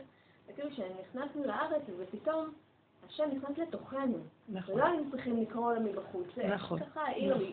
ואז גם ככה, כשבאתי ללידה, בלידה של הבת שלי, הייתי, השם, לא רציתי לקרוא קצת קשה, השם, אני לא יכולה, השם, זה קשה לי. והייתה לי לידה- לידה נו- נוראית, ובלידה השנייה, השם, אתה נותן לי כוח, השם, יש לי כוח. כן, כי השם כבר נמצא בפנים. כן, כן, זה לא, לא עיניים בשמיים, זה פה, זה הגבוליות היא פה, אני גבולית, אני פה. מי זה השם שלי? הגבול זה השם שלי. אבל עכשיו אני, אז עכשיו את, אה, אני כאילו מנסה להבין, אני, אני מרגישה ש, שהשם נותן לי כוח, לא תמיד, כן? אבל שהשם נותן לי כוח, והשם נותן לי דעת, והשם נותן לי, מראה לי את הדרך, אני גם עוד הרבה למה הוא. למה הוא נותן לך? למה הוא נותן לך? וקודם הוא לא נתן לך. תשימי לב, אני, כי את, ב, כי את מכירה בגבול שלך, כן, ומהמקום הזה הפנימי את מדברת. זה לא מהריחוף. במדבר הם צעקו מה, מהכיסים החיצוניים. בארץ ישראל, עיני השם אלוקיך בא, תמיד, פרוסים. ואז מהמקום הזה אנחנו צריכים כל הזמן להחזיק את הנקודה. מה המקום הזה? יש לך מצוקה? זה לא שמיד זה הכל נעשה, יש לך מצוקות, נכון? כן. המצוקה הזאת, את לא מרימה עיניים, השם! פה, השם, אני גבולית. התפילה של האדם זה לא תסדר לי אנא השם, זה קודם כל אני לא. ואתה חייב לא, כי אני לא. את מבינה את ההבדל? פה אני קיים, ואני עוד יכול לעבוד על עצמי, ואני צדיק, ואני די גדול, וזה כלום לעומת מה ש... זאת עברה וזאת עברה. אז השם אנא, וזהו. פה זה משהו אחר. יכול להיות ששם גם הוא ייתן לנו תשובות ויענה לנו, אבל זה גלות. פה זה גבוליות. אני לא יכולה יותר. באמת, הגבוליות, כמו ילד קטן שלא יכול, ובמקום הזה, קרוב השם לכל קוריו, קרוב לכל אשר יקראו באמת. מה זה אמת? אמת מארץ תצמח. הארציות שלי צועקת, הבשר צועק. אבל זאת אומרת, עכשיו כשיש לי בנקודה של קושי, לחזור למקום הזה, כי אני מנסה לא לחזור למקום הזה. די, לא יכולה. לא, לחזור. קודם את לא, את לא דיברת מהגבוליות, דיברת מהפינוק שלך, מההפקרות שלך דיברת. עכשיו את מדברת מהגבוליות, אתן קולטות, זה טוב לי, ש- הש- התשובות והדוגמאות נותנות לנו בהירות ודיוק. את קודם, זה פינוק, לא יכולה, לא יכולה, די, שובר את הכלים. פה עשית הכל, מה שאת רק לא יכולה, את הולכת, מה אתה עוד רוצה? זה קריאת אמת. זאת אומרת, זה חוצפה כלפי שמיא מהניה, מועילה. סליחה, ואז השם אומר, ניצחוני בניי. אתה בא אליי בניסיון אחר ניסיון אחר ניסיון, כבר אין לי תשש כוחי ואני לא יכול יותר. אתה לא רוצה, הרגני נהרוג, אני לא יכולה יותר. על, חלב, זה, אנחנו צריכים, לא יודעת, לפי מה שהיה נראה לי, לבדוק קצת יותר, מה שחלב יהרוג אותי. מה חלב ירוק? חלב בקפה, שלא יהיה לי חלב לקפה, שזה יהרוג אותי טוב, ואני לא אוהבת את הקפה. טוב, בהתחלה זה לא ככה, כי יש לנו גדלות מהמוח, מהחלב, אבל רחל. אחר כך לאט לאט את אומרת, אני לא יודעת מי זה רחל, אני יודעת שאין לי חלב. אין כבר ידי, את לא מבינה שהילד הקטן, הוא לא רואה, אין לו מנגנון של אידיאולוגיות, הבנות, השגות, איזה משהו אה, שם הירואי, גיבורי. כלום, הוא יודע שעכשיו הטבע צועק, והוא צריך לס- לספק לו את מה שצריך. זה דבר גדול. כתוב, ידע שור קונהו וחמור יבוס בעליו, עמי לא ידע ישראל לא יתבונן. מה זאת אומרת שהשור רעב, הוא צועק, הוא גואה, והשם שומע. הנה כהן לך יסבר מה אתה נותן להם התאכלם בעיתו, כי הם מספרים אליך. אבל האדם עוד חושב שהוא יכול, הוא עוד חושב שזה, וזה באמת, תדעו לכם, היכול הזה זה חטא עץ הדת, שהמנגנון העיקרי של הקלקול, חטא ועונשו, זה וייתם כאלוקים. אני כל יכול, אני יכול, אני זה, אני אעשה דברים, אני אתגלה, אני... אז יש לי עוד סבלנות כי אני יכול. אתה יכול? בבקשה, תרים הצד. זה עונשו של אותו חטא. אבל כשמגיעים לסוף של המלכות, למה אכלתי מעץ הדת הזה? מי צריך להיות יכול? השם דרכי יכול לעשות הכל. למה אני צריך להיות במקומו? למה אני צריך את כל הסבל הזה? אנחנו יצרנו את המציאות הזאת, והשם אמר, אתם עשיתם אותה, אכלתם אותה, אתם תיקחו אותה, תתקנו את החטא הזה. איך מתקנים? החטא ועונשו. אה, את יודעת איך מתקנים? שנותנים לנו כוח להיות סבלן, ולשאת בעול, ולהיות יכול, וחמישים פעם תיפול ותקום. זה עונש. אנחנו חייבים לעבור דרכו כל הגלות. אין להימלט ממנו אמת. אז נתנו לנו גם אפילו, כדי שנוכל להמשיך, נתנו לנו אה, איזה כזה קישוט על זה, זה גיבורות, זה צדיקות, זה, צ... זה צדיק, זה זה זה. ככל שאדם הוא ככה, אז הוא עוד יותר חטא. אתם מבינים? צריך יותר לשאת בעונש. אבל באמת הוא נושא בעונש. אפשר להגיד, זה אסיר למופת. בגלל שהוא באמת לא פרץ את הגדר וברח, והוא נושא בעול. אנחנו בגדר הזה, אתם לא מבינים? לקראת הסוף נגיד, לא שם, אתה לא פותח את הכלא, אני אמות ולא יישאר לך את מי לגאול פה. תדע, זו הייתה הצעקה במצרים שפתחה להם את כל השערים, והקדוש ברוך הוא התגלה. מתנת חסד וחינם. פה לקראת הסוף, באמת בזכות התורה, שכל הדורות כן נשאו בעול, ועשו מה שרצית, וחטאנו, ואני עשיתי, אני אשא, אני אסבול ואני אמלט, יש פסוק כזה. זה כאילו השם אומר כביכול לעצמו, אני עשיתי, אני, נס... עם ישראל, כנסת ישראל, קודשא בריחו רייט אחד. אז השם אומר, ואנחנו גם אומרים, עושים, אנחנו חטאנו, מרימים את השק. אבל זה, מה שאנחנו מדברים פה זה תפיסת הסוף. הסוף של 49 שערים לקראת החמישים. זה הדרך היחידה לצאת מהגלות, לא נצא מהגלות עם סבלנות. עכשיו יש לי, אה, העניין שלי עכשיו זה שיש לי מלא מלא התלבטויות שאני לא מצליחה להכריע בהן. אם לעבור בית, אם אה, הבת שלי תעלה לכיתה א' או תישאר עוד שנה בגן, ומלא מלא התלבטויות, ואני פשוט לא מצליחה להחליט בזה. נפלא. את שומעת מה שאומרת? מישהי אומרת לי גם, אני לא יודעת מה לעשות, יש לי זה וזה, ואני לא יודעת מה לעשות, יש לי זה, ואני לא יודעת מה לעשות, יש לי זה, אז אמרתי לה, ואז היא אמרת לה, אז מה אני אעשה? אמרתי לה, את אמרת שאת לא יודעת מה לעשות. למה את סתם אומרת ואת לא שמה לב מה את אומרת? אם אמרת שאת לא יודעת מה לעשות, זה המקום הכי טוב, זה אל תדעי, תחליט הידיעה שלא נדע. אבל צריך לעשות. אז אמרת, תגידי לי, בורא ריבונו שלם, יש המון בעיות. המוח שלי אומר לי שיש בעיות, והוא גם אומר לי, את צריכה לפתור, אבל הכוחות של הנפש כבר לא מכילים כלום. אז רק אתה יכול להיכנס. המוח הזה, הוא מטעה אותנו, כי באמת אין לך שום בעיה. אין בעיות. זה המוח שם את זה וזה וזה וזה, יש לה המון בעיות. תגידי, רק, רק רגע, אם באותו רגע וזה יגידו, בוא נגיד, יהיה צבע אדום, צבע אדום, צבע אדום. אין, נגמרו הבעיות, לא אכפת לך איפה היא תלך שנה הבאה, ולא אכפת לך מה יהיה זה, ולא אכפת לך כלום. אז תחזיקי את עצמך במקום הזה שאת כל כך גבולית, שזה צבע אדום כבר החיים. ותגידי, די, אני לא יכולה יותר. ריבונו של עולם, אתה יודע מה, אליך, אתה תיתן לי סיבות חזקות ותראה לי מה לעשות. יהיה רגע שאני אדע מה אני צריכה לעשות. יהיה רגע זה, אבל מה קורה? אני לא חי את הרגע של כל דבר. אה, החלטתי שאני אביא את כל הבעיות ביחד, רק זה עוד חסר לי, ואני אפתח את התיבה, והם יאכלו אותי, יטרפו אותי, וילעסו אותי, ואני אגיד, השם, אני לא יודעת מה לעשות. אני אגיד לך, שויטה שכמוך, תוציא את הראש שלך מהלוע שלהם, ולך. תאכל, תישן, תשכח מכל הצרות. את לא מבינה איזה סיבות ישלח לך, תדעי. ברגע שצריך, תדעי מה לעשות. וכאן צריך, תדעי. כרגע את לא יודעת, ותדעי לך שזה עובד מאוד מאוד יפה. באותו רגע שאת תדעי, יהיה איזה שלב שישלח לך, תגידי לו רק, תשלח לי סיבה לדעת אם אני אשאר בבית או לא, תשלח סיבה. סיבה זה השם, ההוויה מתגלה באיזה סיבה בטבע. פתאום מישהו יציע לך איזה דירה, פתאום ייכנס איזה סכום שאת לא יודעת מאיפה, פתאום יהיה משהו שבעל הבית יגיד לך, תעוף מפה עכשיו, אני לא יודעת מה. יש הרבה פתרונים אצל השם.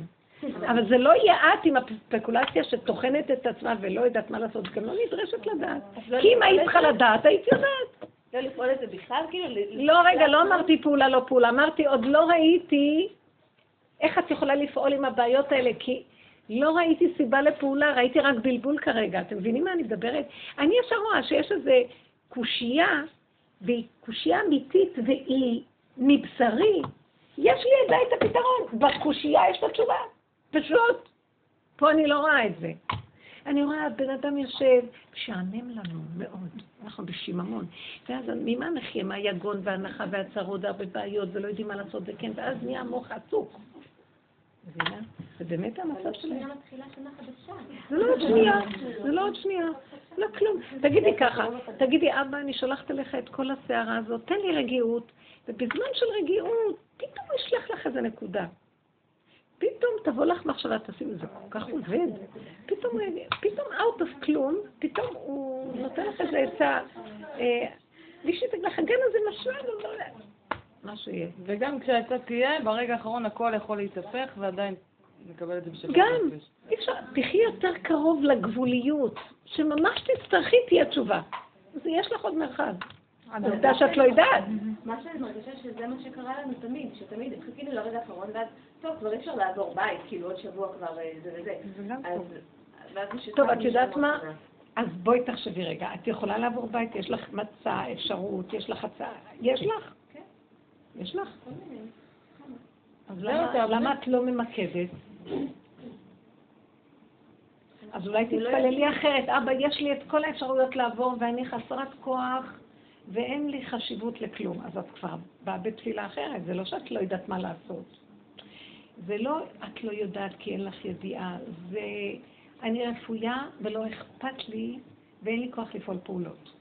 יש לי את כל התנאים ואין לי כוח לפעול פעולות. זו שאלה אחרת כבר, נכון? תדייקו בנות, אתן לא מדייקות והכל פתוח וזרוק. לכן אה, במעגלים של המציאות, זה מין מקיפים גבוהים שאת תלויה בהם ואת לא יכולה לרדת משם, זה לא טוב. זה צריך להיות מדויק.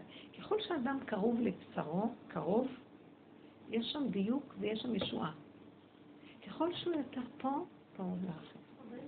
זה באמת עובד ככה. אז תחכי, תגידי ככה, אין לי בית. יש לך מצוקה גדולה שיהיה לך בית? אין לך כל כך. לא, יש לי, לא. יש לי, אני רק לא יודעת מה להחליט. אם עדיף ככה, תנסי כל האופציות פתוחות. למה את לא יודעת מה להחליט? אז את, את, לא, את לא צריכה לעבור בית. אם לא יודעים מה להחליט, יש הרבה אופציות, סימן שלא צריך לעבור בית. האדם עובר בית שכבר חרב על צווארו ולא יכול שום דבר ונפתח לו הפתח. את לא מבינה שזה ככה עובד? מה זה, אדם יושב מתוך כל מיני בתים והוא גם עובר בית? לא כל כך ברור. נכון שלא? לא. זה לא נראה כאילו את באמת צריכה לעבור בית. לא, זה נראה, הערבים חיים פה. אני רבתי איתם אפילו בשבת. כי מה? צפוף קטן. הערבים, הערבים חיים פה, אני רבתי עם איזה ערבי בשבת, ואנחנו לא נעים לנו לצאת לחצר שלנו, בגלל שהם יושבים לנו... ו- וסיבה, וסיבה. ואז מה? אבל בעלי אמר לי, מה שיקרה, טוב, כנראה אותנו עדיין פה, כי לא קרה השם לא רוצה אותו עדיין פה. השם שם אותי ליד ערבי שאני אראה מה הוא רוצה ממני אם אני כועס על ערבי. אני ראיתי שאני גם השם יכול ייקח להיות אותה ערבי. מפה, בעזרת השם, אמן. את לא מבינה, לפני שהוא ייקח אתכם, השם לא ייקח אותם מפה ככה שייקח סתם. אותם, אפשר להתפלל על זה. די, אין לא. לנו כוח, שעכשיו ייקח אותם. אני אגיד לך משהו. את רוצה שהשם ייקח אותם? את צריכה גם לתת... אתן לא מבינות איך זה עובד. הרבנית, היה- גר. לי ליד הדלת, לא, אתם צריכים. שיהיה לכם משהו שאתם נותנים להשם על מנת שהשם ייכנס במקום זה וייתן משהו. תקשיבו טוב. זאת אומרת, אני אגיד לכם מתי קורים באמת דברים, שאת רואה שלא סתם השם שם, כמו שדוד המלך אמר, אבל השם אמר לו כלל, שלא סתם מונח לך שם הערבי, מה שהם רוצים ממך עוד לא תפס איפה הנקודה, לכן את לא זזה משם. אז אולי תבואי תאבחני, תראי מה שהם רוצים, אנחנו נעשה, אנחנו נעשה ושילכו. תביאו לנו, לא, את צריכה למצוא את האבחון, אני רק אתן לכם דוגמאות, אני רק אלמד אתכן את הדרך, אתן חייבות לבחור, כי הבחירה בשביל זה ניתנה הבריאה. תקשיבי רגע, מה מרגיז אותך אצל הערבי הזה, תגידי לי? דוגמאות אתם יש תביאו לי. מכשירי מה עישון שקרה בגינה. בשבת, מה שקרה בשבת. יש בנקים, בנקים בגינה. איך? הוא עשה- מנגל אה, על המדרכה, ואימא שלי, ההורים שלי היו אצלי בשבת, ואימא שלי אמרה לו, אולי אתה יכול להזיז, זה מסוכן פה. התחיל להגיד לאמא שלי, תלכי, וזה, דבר ככה לאמא שלי, ואני כאילו, דבר ככה לאמא שלי, התחלתי להגיד לו, מי מי- מי הרשה לך לדבר ככה לאמא שלי? אה, מה זה הדבר המזלזל הזה? תלכי מפה, תלכי מפה, ואמרתי לו, אני לא זזה מפה, ואני אומרת לו על המנגל. וזה מה שהלכתי. אז באמת הלכתי. לא, זה קשה. אני אהיה פה עם ה- זה מרביצים לילדים הקטנים וזה, מציקים. זה... אז הוא-. עשה מנגל בשבת ואת עישנת בשבת עם הכעס, אוקיי? לא חשוב. כי הם מרגיזים. עד שעבר לי הכעס הזה. נכון. הוא. הלהיט לך, מאוד מסוכן. לעמוד מול רשעים, לא היום זה. כל כך מסוכן, זה מדליק מאוד. ואז כל הרשות שלהם שהייתה. עכשיו, אם יצא לך כזה כעס, אז את כמוהו בדיוק. חס שלום. רק הוא באמת, באיזשהו מקום, זה לא שאני כמוהו, יש איזו נקודה שיש לו שקשורה אליי, ובגלל זה הוא לא זז משם עד שאני לא אזהה אותה ואני אעלה אותה להשם, הוא ייעלם לך, מישהו אחר יבוא, הוא ייעלם לבד, את לא מבינה לי ניסים קורים, כמו שהיא נפתחה ונפתח השער, כי היא צעקה לה שהעלתה לו את הנקודה שלה שלא יכולה יותר. הנקודה שלך זה להעלות את מה שאת רואה, את הפגם שלך, הכעס הזה, אני אומרת, אני, אני כועסת על זה שהוא מדליק אש בשבת, ואני גם מדליקה כעס, יש הכעס בשבת, אבל הוא הדליק אותי. זה רק הייתה סיבה, אי אפשר להתנצל ולהגיד הוא הדליק אותי. אני לא מחפשת להיות צודקת, האמת, יש בתוכי אש כזאת, והיא יוצאת בשבת, תרחם עליי. אני לא יכולה לחיות בעולם שכזה, כי כל רגע משהו אחר, איך אפשר לשמור ככה תורה בכלל? ואני רוצה לשמור תורה. לא סתם הוא שם אותנו במקומות האלה, אז תבקשי מהשם, ריבונו שלם תרחם עליי. אני בדיוק כמוהו. ככל שאנחנו נראה את הנקודה שלהם, אני הייתי הולכת בכותל, לפנות בוקר היו תקופות שיצאנו, ואחת שהייתה הולכת איתי גם כן מרב אושר מותק של אישה. ואז הייתה תקופה, זה היה זה הרבה שנים, שהיו, אה, האינתיפאדה הראשונה, אני חושבת, היו זורקים רימונים, ככה פתאום, ובכותל, ברובע שמה, ו... היינו הולכים שם לפנות בוקר וזה, אז, אה, אז הייתי אומרת לה, תראי את כל החיילים האלה, תראי כמה חיילים יש לו ששומרים.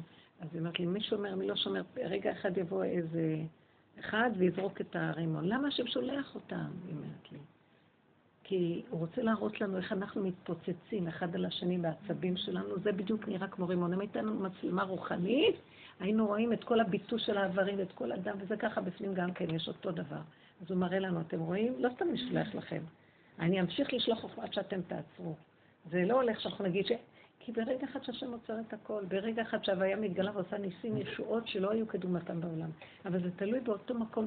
זאת עבודת דוד המלך. הוא רוצה להביא הוויה, הוא לא רוצה לעבוד כוח מול כוח. צריך לעשות כוח, ללכת. הוא לא צריך גם עכשיו ללכת לחפש דירה אחרת. מי יודע מה יחכה לך בדירה הבאה, אני לא רוצה להגיד לך שלום. תעשי נקודות, תתפסו נקודות, תביאו דוגמאות. מבינה מה אני מתכוונת? בעבודה הזאת חפשו רק את עצמכם, תגידי, ואל תתביישי להגיד שאת יותר גרועה מעביד. אני פה מגלה את כל הפגמים שלי לפניכם. אמרתי לכם, כסף ראיתי, פחדתי שאני אגנוב אותו. ראיתי, כשאני אומרת לכם, ראיתי את המיסיונר ולא אכפת לי אם הוא גוי, אם הוא ערבי או מה, אין לי, לא אכפת לי כלום, כי מת לי הלב, ליבי חלל בקרבי. מה, אני, זה יפה שאני אתנהל, אגיד לכם, אני מאוד צדיקה דרך אגב, אל תחשבו. מה זה שלא אכפת לי ומה זה שאני ערבייה, מה זה פה. אבל זה לא שאני ערבייה וזה, אני הגעתי לנקודה שאני רואה, אין, כל הגרירות שאני רואה בחוץ זה, זה אצלי בפנים. ברגע שזה מזיז לי במיוחד, ויש לי תנועה של נפש שזזה בזה, כעס, וזה סימן, זה ההוכחה שזה קיים אצלי. והגעתי למקום שלא אכפת לי כלום, אז אני רואה שזה כבר לא קיים, זהו, כי לא אכפת לי. עכשיו השם אומר, עכשיו לי אכפת. כי אתם לוקחים את המלכות במקומי, עכשיו אני אכנס לך. מי יראה להם? כי הוא צריך כלי, ואנחנו הכלים שלו להתגלות. וכשיש את האגו הזה ואת במקומו, הוא לא יכול להתגלות. אין אני ויכול לדור בתפיסה אחת. מבינות? תביאו עוד דוגמאות של כאלה. רגע, כן, אני עוד הרבה בעיות. התכוונתי. רבנית, אה, מאז שהתחלתי לנסות לעשות מה שאת אומרת, אז זה פשוט כל רגע. זה כל רגע כאילו לשים לב למשהו שדפוק בך, כאילו, קודם כל זה קצת מייאש, כאילו, אתה רואה כאילו כמה דפוק. כן, את מתחילה למשוך מציאות כזאת אליי. זה כאילו פשוט כל רגע, כאילו כל מחשבה פתאום, זה גאווה. זה שאת עובדת, יפה, אבל זה... זה לא קל, זה החלק הכי קשה בעולם. זה לפתוח את עצמי, לעצמי את כל התיבת פנדורה בשלילה שלי ולהודות בה. זה כמו יום כיפור, זה באמת צום, כאב, כל הצער עולה, כן, זה קשה מאוד. ממש כל מיני. עכשיו יש לי, אני צריכה שנייה דיוק במשהו מסוים, כי בעצם את אומרת, תגידו רוצה שזועקים להשם שכבר לא יכולים. אבל אני לפעמים כאילו זועקת לשם שאני לא יכולה, ואז נכנסת במחשבה, שוב, של גאווה, כאילו, אז מה את חושבת שמגיע לך משהו? כאילו, איך את מעיזה להגיד שמגיע לך, כאילו? ואז כאילו אני מוצאת את עצמי כאילו אפילו מסתבכת בדיבור עם השם, כאילו, מה, אוקיי, מה... כי בטח הוא יושב שם בשקט, הוא יבוא והוא ישדוד אותך מכל הכיוונים, כי הוא רואה שאת הולכת לחסל אותו על ידי הדרך. אז הוא יגיד, מגיע לך בכלל? כן. תגידי לו, לא מגיע לי ושייתנו לי מתנת חסד וחינם. כלום לא מגיע לי, אבל אני לא יכולה יותר. לא מגיע לי, אתה צודק, לא מגיע לי, אבל אני רוצה בחינם. בחינם, הכל בחינם עכשיו. צריכים את הזאת, הכל בחינם. אתם לא מבינים, הם לא כאן, כולם יהיו משוגעים עוד מעט, תיקחו כדורים, יהיו משוגעים, יתאבדו. אנחנו נהרגים ברחובות, קוראים דברים נקרים, זה לא נורמלי שאנחנו חיים פה, באמת. לא יודעים כלום מה יהיה עוד רגע בחיים שלנו, כלום. הרבנית, אני יכולה להגיד לספר דוגמה יפה, טובה, בעזרת השם. המנהלת שלי. אני מחפשת רק שלילה. כן, כן. שלילה. היא טובה לשקף. המנהלת שלי, השם ישמור אותה, היא רשעה. היא התעללה בי בחודש האחרון, ממש, עברתי התעללות. מה, איפה מנהלת של מה? של איפה שאני עובדת. כן. שמור עליי, יהודייה טובה. אה, ולקחתי את זה מאוד קשה. לקחתי חופשת מחלה, כבר 20 יום אני בחופשת מחלה. ו-18 יום מתוך ה-20 האלה אני יושבת בבית ואני, והמוח שלי הורג אותי, הורג אותי. מחשבות, חולמת עליה בלילה, קמה בבוקר, מצטה את הבית, חושבת, חושבת. וכל פעם באה המחשבה של הדרך, המחשבה הטובה. אז תבכי לשם שהיא מעירה לך, שקט, לא רוצה לשמוע גם אותך, אני רוצה לכעוס עליה ולחשוב על שולחת לוואטסאפ, שאני לא אעבור את זה בשתיקה. והתקשרתי למשרד החינוך, תקשיבו, היא מתעללת בי, ועד שהגיעה פרשת קורח השבת האחרונה, קלטתי שכולם נפלו באדמה, ואז אני יושבת עם בעלי בסעודה השנייה, ובעלי הוא... הוא נכנס ללחץ כשאני מדבר את הדיבורים האלה של הדרך, של הדרך, הבטוחים האלה בעצמם. הוא ישר כאילו מזדקף, אומר לי, רגע, ומה עם משכיל? שאלות. "ששש, תן לי רגע, אני אסביר לך מה היה הבעיה של קורח. ואז כאילו התחלתי, התחלתי להבין באמת ש... את, בעומק, בעומק של העומק, אם אני אפילו לא מוכנה לקבל את זה, שיש משהו שאני צריכה לראות בעצמי, גם זה, זה אני ואני מקבלת, את מבינה? שאני מקבלת שאני לא מקבלת. שאני לא מקבלת. אף אחד לא יגיד. שאני בוכה שלושה שבועות ויודעת איך לעשות לעצמי טוב, יודעת איך לשחרר את המצוקה, רבנית לימדה, ברומטר, טיפקס, הכל, ואני לא רוצה לעשות את זה מבחירה. אני רוצה כן, לשנוא. מרדות. זה רצועת מרדות מאוד גדולה בתוך מציאות האדם, והאדם מודע לה והוא מתוודה על רצועת המרדות הזאת. ואז לא להשתחרר. אכפת לי מה, להשתחרר, וכבר יומיים אני בסדר, יפה, ברוך השם. יפה. תדעו לכם שזה הדבר הכי. גדול בכל העבודה. אני לא מחפשת חיובי, התגברתי, הפוך, לא מתגברת, לא יכולה להתגבר, זה בדיוק מה שאנחנו מדברים פה. לא מתגברת, לא יכולה להתגבר, עשיתי אלף עבודות וחזרתי לאותו, הנחש חוזר על אותו נקודה. ואין לי כוח גם לזעוק. ואין לי, כוח- גם לצעוק אין לי כוח וזהו. זה בדיוק הנקודה הסופית, מכאן יש ישועה. אמן. התפוצצות הקליפה. כי אדם מודה ועוזב וירוחם, הרחמים מגיעים, הוא מכסה פשעה, לא יצליח. אומרת, טוב, אני אתגבר עוד קצת, לא, אני אעשה עוד עבודה. ויגיע רגע שלאף אחד לא יהיה שום כוח. אז מה, מה יקרה? או שאנשים יעשו אה, התגברות, שכבר לא יהיה כוח, או ש... אז כולם יפלו בייאוש, אה, הלך עלינו, לא יכולים להתגבר, וזה הדבר הכי גרוע. לא, לא אמות כי יחיה עומד דוד המלך. אז מה, לא יכולתי, כן, לא יכול. ואתם יודעים מה קורה פה? זה סוד כל הבריאה הזאת. פתאום השם יזיז את הווילון ויגיד, זה מה שרציתי לשמוע שאתה לא יכול. אתם רוצים להיות יכולים, תאכלו אותה. אני מחכה, אני, אני דוחק אותך על ידי המנהלת, אני שלחתי את המנהלת, אני עושה ממנה רשאית לכבודך כדי שאת תגיעי למקום, לא מוכנה לוותר. את זה אני רוצה ממך. תרימי את הרף, תמיד הייתה לך מרדות, והמרדות הזאת עכשיו גדלה וגדלה וגדלה עכשיו. ככל. בעבודה הסופית הפך כולו לבן טהור, המצורע. יש דרגת צרעת שהכהן מסגיר את הצרעת. עוד שבע ימים עוברים, הוא אומר, זה לא פשע, אלא הנגע עוד יותר התרחב. זה לא פסק, אלא פשע הנגע, התרחב. עוד מסגיר אותו, בסוף הוא רואה שלא רק שהוא לא הפסיק, אלא כל הגוף נהיה. עכשיו, הוא, כשהוא מזהה שכל הגוף נהיה צרעת, הוא אומר טהור, הוא קורא לו טהור, לך, אין פה התקנה, זהו, סוף ונגמר. זה כבר עבר על גדותיו, אז בשנייה הכל מתהפך. זה ריקבון עד הסוף, זה יפה מאוד, מאוד יפה. אני רוצה שתאחזו את הנקודה הזאת, זה לא שאני אלך אדוניך עכשיו בהפקרות, זה מולו, אני מדייק בנקודה, אבא, אני, בראת אותי מרדן.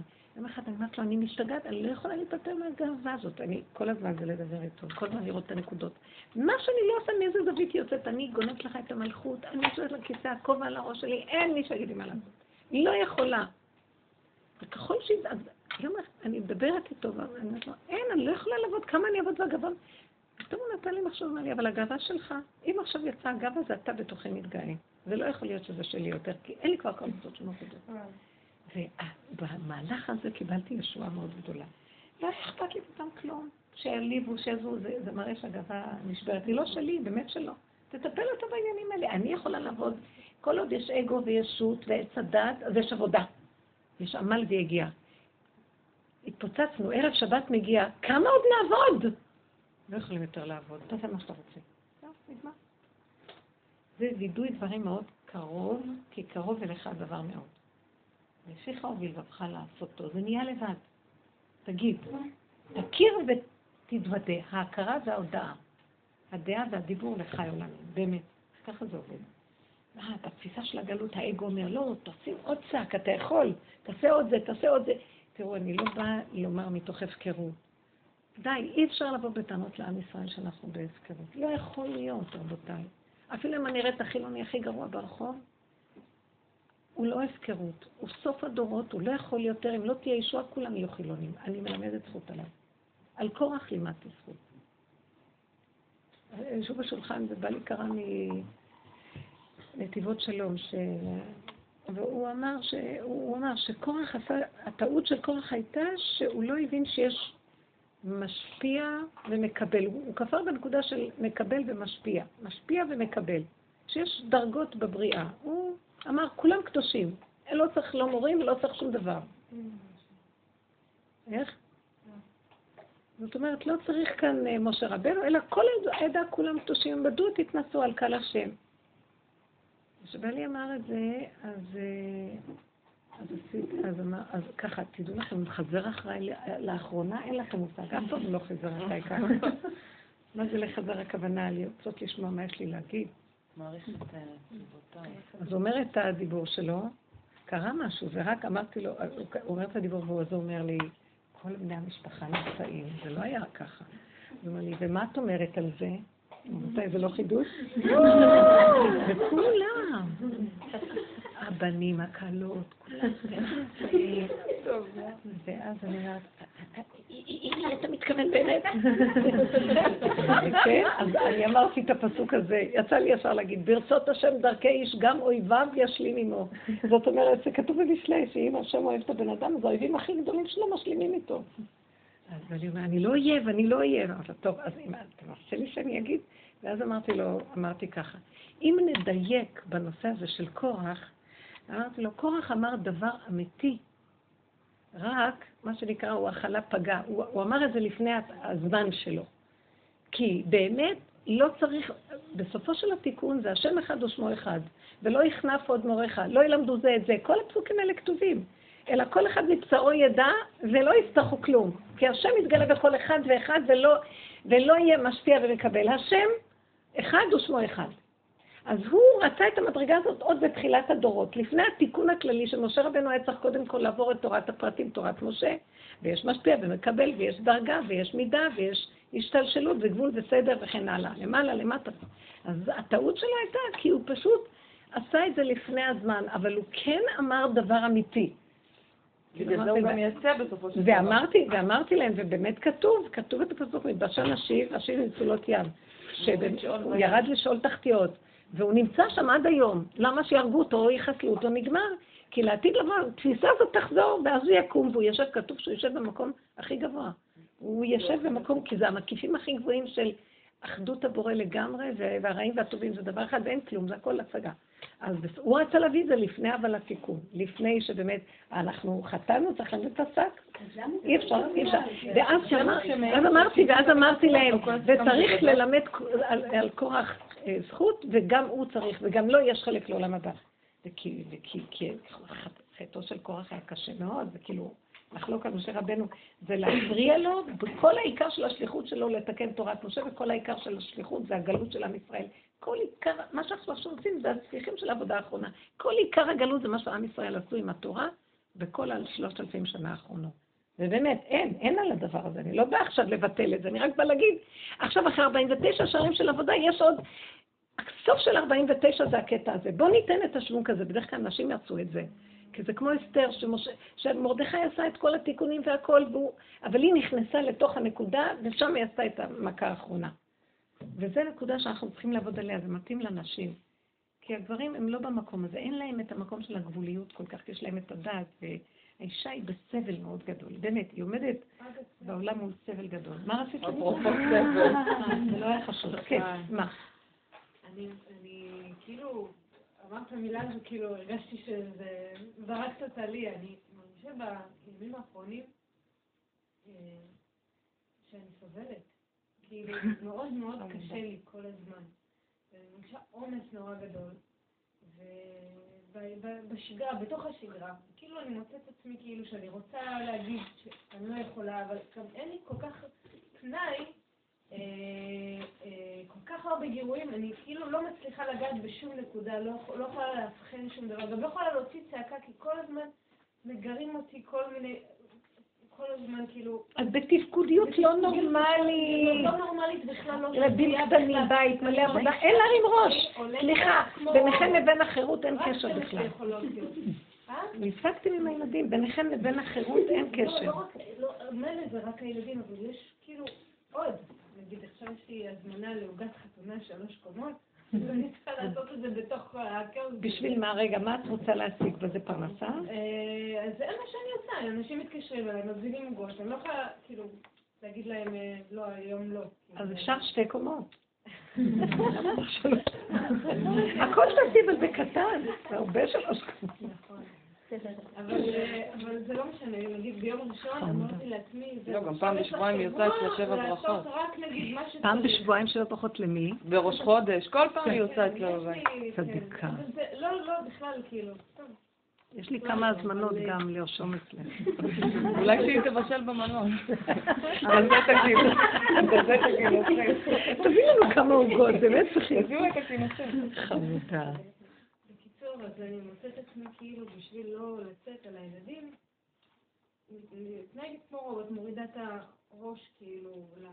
עכשיו הילד פתח את המקרר ושפך ושבר דברים, אז אני כאילו, ממש כאילו מתעוותות לי הפנים שכאילו, לסגור את הדלת, לא לחשוב, כאילו לקחת אותו משם, ו- ו- אני כאילו, אני במאמץ נוראי כזה כן. של לא להתפרק, ומצד שני גם עול שהגוף שלי עייף. אני- לכן במקום הזה תהיי- רגע. כאילו, במקום הזה אני שואלת את עצמי, זה טוב שתתבונני, לא ו... להתבונן מרוב אה? העומס. אני- אני מטושטשת תחושה ועייפות, לא רואה את אז הנקודות. תקשיבו רגע, לא, לא, את לא פועלת טוב, זה ההיפראקטיביות של המוח, וזה המשוגע הזה, זה פרעה, מעביד אותנו בפרך כדי להרוג אותנו. לא נעים לי שאני כאילו מתבכיינת. אני נכון. כי אסור, אצל פרעה אם מישהו היה כאילו, בוכה וגבוה היה. יש לך ארבעה ילדים, יש לך, את עושה משהו שאת אוהבת, את עושה עוגות, וזה כאילו, מה את מתבכיינת? כל הזמן קשה לי, קשה לי, כאילו. ביני לבין עצמי, אז זה עוד יותר מעמיס עליי, כאילו, שאני כועסת על עצמי.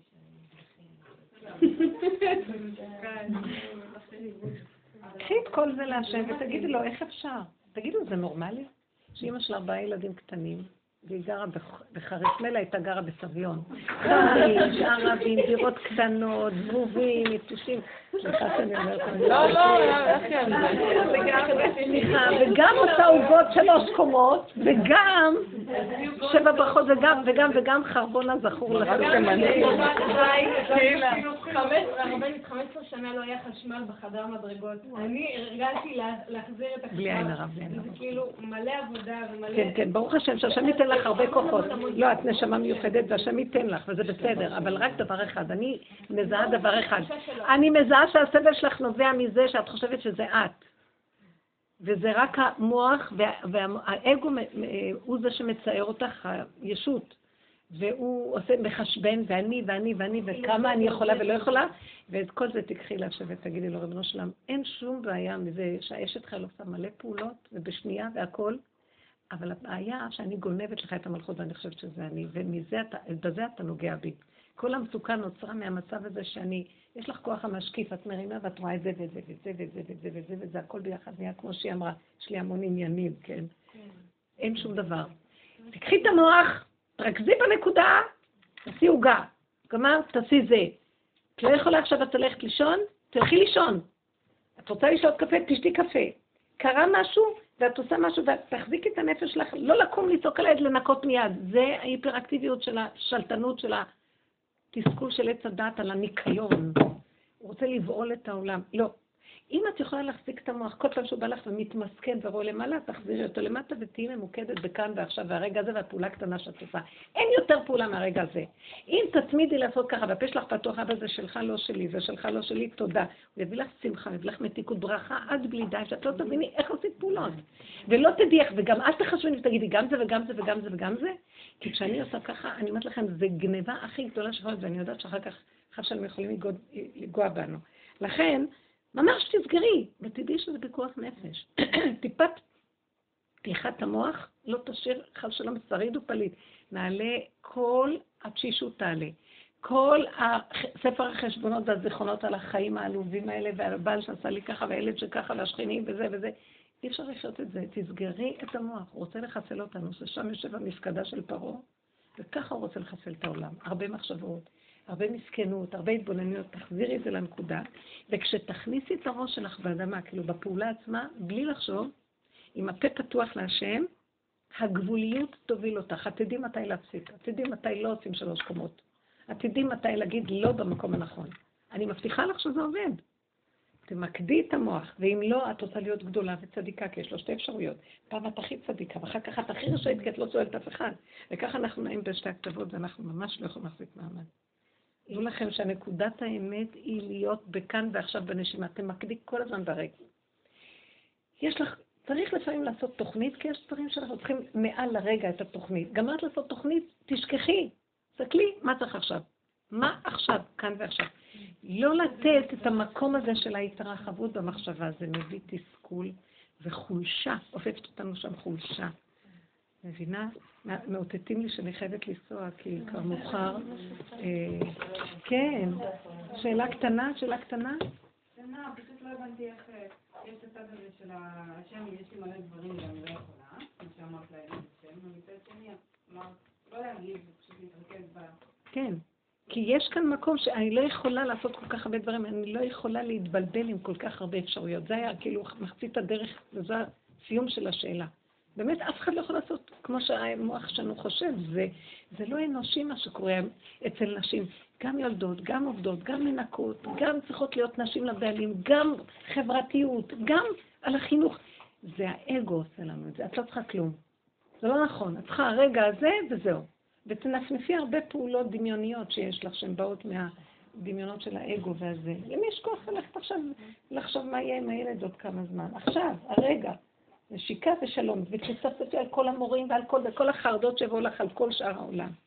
תמקדו כאן ועכשיו. באמת, אם רוצה השם צריך לדבר על הנקודה הזאת של איך לחיות את הרגע כל הזמן ולמקד עם הפה פתוח להשם. והשם, כמו שהיא אמרה ודיברנו, הוא נמצא איתנו, הוא לא בשמיים. השם, תברך אותי בדבר הזה, תן לי מתיקות ורגיעות, תן לי איתך, תן לי ליהנות שלא ארגיש את הפעולות שלי. ככה אני אומרת לו, אני לא רוצה להרגיש את הפעולות. אין לי כוח לסבול את הסערה של הפעולות. שאני אהנה מכל פעולה שאני עושה. עכשיו, אם אני רואה מצוקה, אם אני רואה שמשהו קורה לי ואני לא נהנית, אני לא מוכנה. אני יודעת שאני בוגדת בנפש שלי אם אני אמשיך לעשות. אני רוצה להיות בנחת עם נפשי. לא לעשות דברים שאת לא רוצה, לא בכוח. כן. זה כמו שסיפרת גם על הרבה פעמים על הסעודות הגדולות, וזה שאת אומרת, אני בראתי לעצמי את הגיהנום שלי. נכון. אז כאילו, בכל זאת בתוך העשייה במשהו שאת לא... לא כל כך נהנית ממנו, אבל... כי עכשיו אני, אגיד לך מה ההבדל. כי הוצאתי, כי אני עשיתי את זה. עכשיו, אתם יודעים מה? לא השתנה כלום. הסעודות הגדולות ממשיכות, אבל זה לא שלי, זה שלו. לא מרגישה את הפעולות. זה, כי זה הטבע שלי לעשות דברים גדולים. אז עכשיו, כשאני עושה דברים גדולים, ואני רואה שזה שלו, אין מצוקה. כי הוא יכול לתת לי לעשות דברים הכי גדולים, מה אכפת לי? הוא גדול, הוא קטן אצלו אותו דבר. אצלי לא. אצלי זה מביא לי שערה. תודה רבה מתוקות, אני אוהבת אתכם. השם ייתן לכם חן וחסד ורחמים. והדיבורים האלה, אפילו לא, אם לא מבינים אותם, הם נכנסות לנפש, נכנסים בבחינת שמעי ותכי נפשך, וזה עושה פעולות. תדעו לכם את זה. תודה רבה רבה. תודה.